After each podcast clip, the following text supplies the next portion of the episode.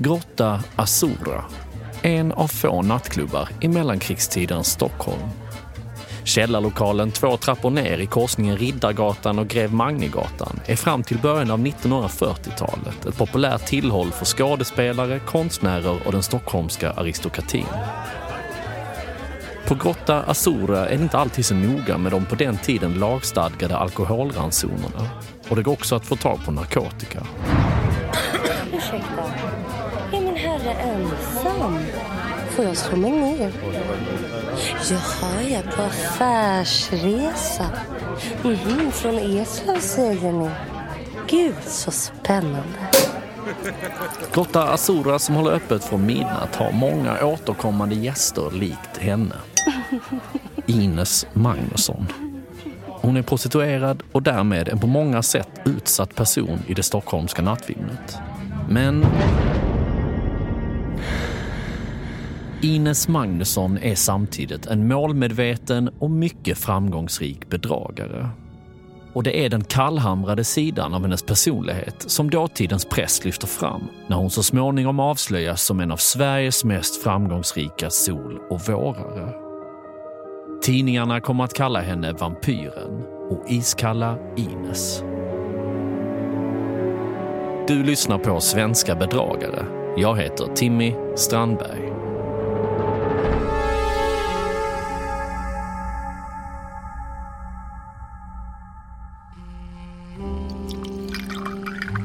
I sitt överdådigt inredda rum på ett pensionat inte långt ifrån Grotta Azura låter Ines Magnusson den berusade affärsmannen från Eslöv tala ut om sitt otillfredsställande äktenskap och de jordbruksaffärer som Ines låtsas vara intresserad av. Men snart åker kläderna av och i sin upphetsning märker mannen inte ljudet som hörs från andra sidan väggen. Det är en kamera som Ines väninna Hanna hanterar. Fällan slår igen ännu en gång. Det hela är satt i system. Affärsmannen på genomresa från Eslöv får snart ett diskret brev hemskickat. I brevet kommer han hitta bilder på sig själv, naken i sängen tillsammans med Ines Magnusson.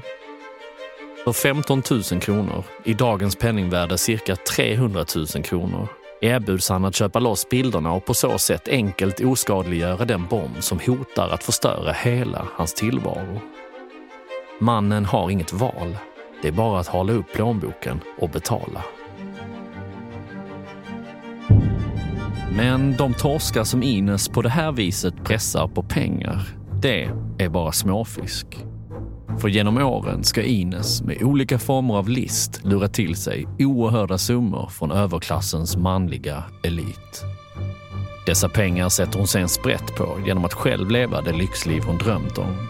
Med flotta bilar, antikviteter, kläder, alkohol och droger. Totalt ska hon till slut lura till sig motsvarande 63 miljoner kronor i dagens penningvärde.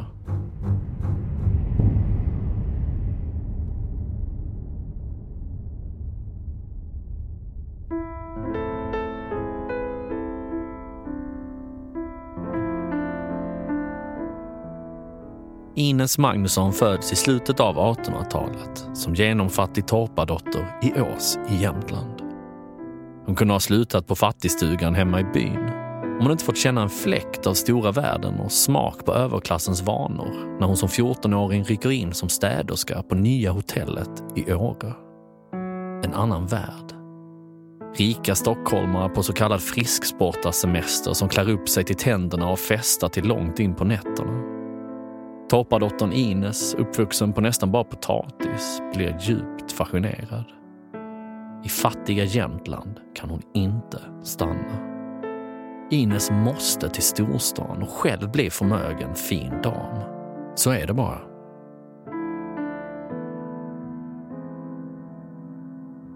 Med en energi och en framåtanda som väcker oro bland vänner och familj lyckas hon inom några år flytta från fattiga Ås i Jämtland och få jobb som hembiträde på välbeställda Östermalm i Stockholm.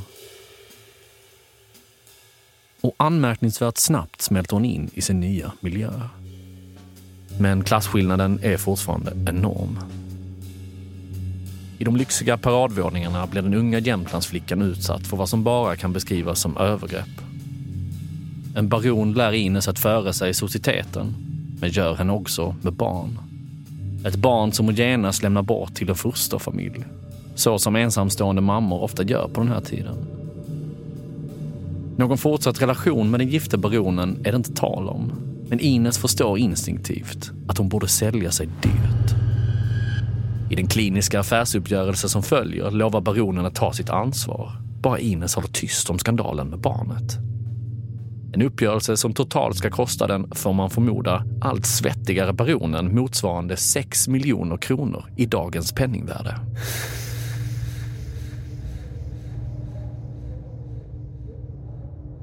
Den festande, rika överklassen i Stockholm är Ines Magnusson inte längre särskilt imponerad av. Och istället för att bli en fin dam och överklassens bästa vän så blir hon dess värsta fiende. Ines slår ihop sig med Hanna Hedberg, en känd kopplerska som driver pensionat med prostituerade.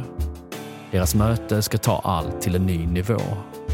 Hanna väljer att sparka ut alla prostituerade och satsar nu helhjärtat på att tillsammans med Ines bedra Stockholms festande överklass. Tillsammans utvecklar de en mycket framgångsrik metod. Ines flörtar och får männen på fall, bjuder över dem till pensionatet, super ner dem och förför dem. Sen är det Hanna som ska göra sitt. I vissa fall väljer hon att fotografera sexakten och senare skicka ett brev med bilder och erbjudande om att köpa loss dem. I andra fall ringer Hanna upp männen efter några veckor och berättar att Ines blev med barn och behöver göra abort. Och för att inte få sina liv förstörda väljer de uppburna männen att betala. Efter ytterligare några dagar ringer Hanna upp männen igen och säger att aborten gått väldigt illa och att Ines mår väldigt, väldigt dåligt och behöver pengar till vård.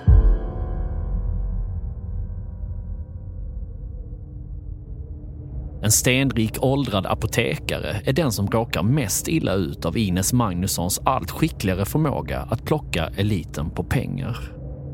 Den 70-åriga apotekaren blir upp över öronen förälskad i den flera decennier år yngre Ines. Och andra ytterst välbeställda män upplever exakt samma sak och låter sig i flera fall luras av Ines paradroll. Den som dödssjuk. Genom att vitpudra sig i ansiktet, dra ner rullgardinen och sätta på sig ett par solglasögon får Ine sina manliga beundrare att tro att hon drabbats av någon svårbehandlad åkomma som kräver dyr privatvård. Enbart apotekaren mjölkas på totalt motsvarande 12 miljoner kronor i dagens penningvärde. När bedrägerikarusellen snurrar på som snabbast bedriver Ines Magnusson parallellt med allt detta ett eget bolag med fashionabelt kontor högst upp i ett av kungstornen. Bara ett stenkast från Östermalm. Det är ett rent bluffbolag som endast sysslar med bedrägeri. Fast nu med helt andra måltavlor. Bland annat görs ett försök att blåsa den tyska staten på ett kontrakt med svensk järnmalm. En annan affärsidé är att sälja falska pass och dokument till flyende judar och erbjuda dem ett hem på en herrgård i Sörmland.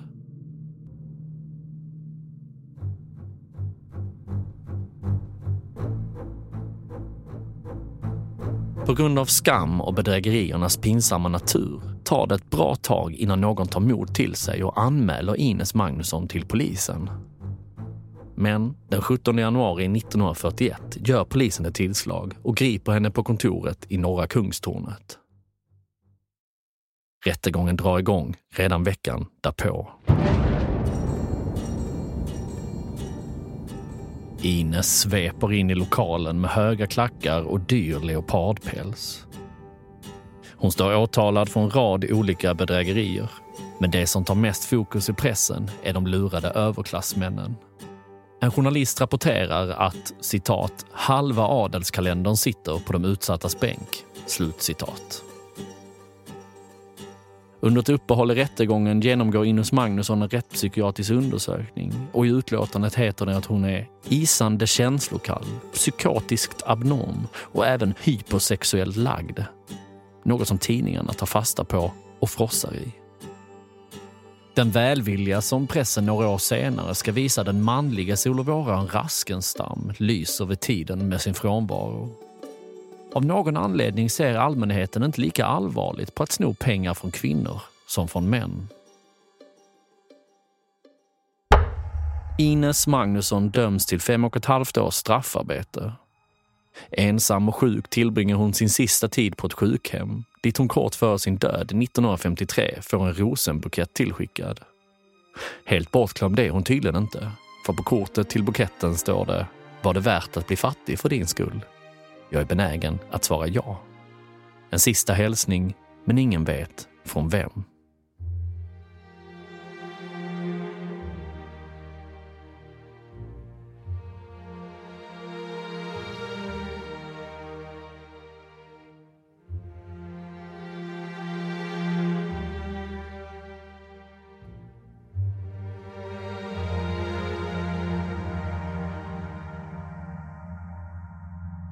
Du har lyssnat på Svenska bedragare, en exklusiv podmi produktion Manus och research av Fredrik Kullberg och producerad av mig, Timmy Strandberg.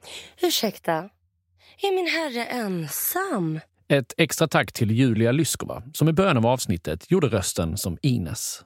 Gud, så spännande.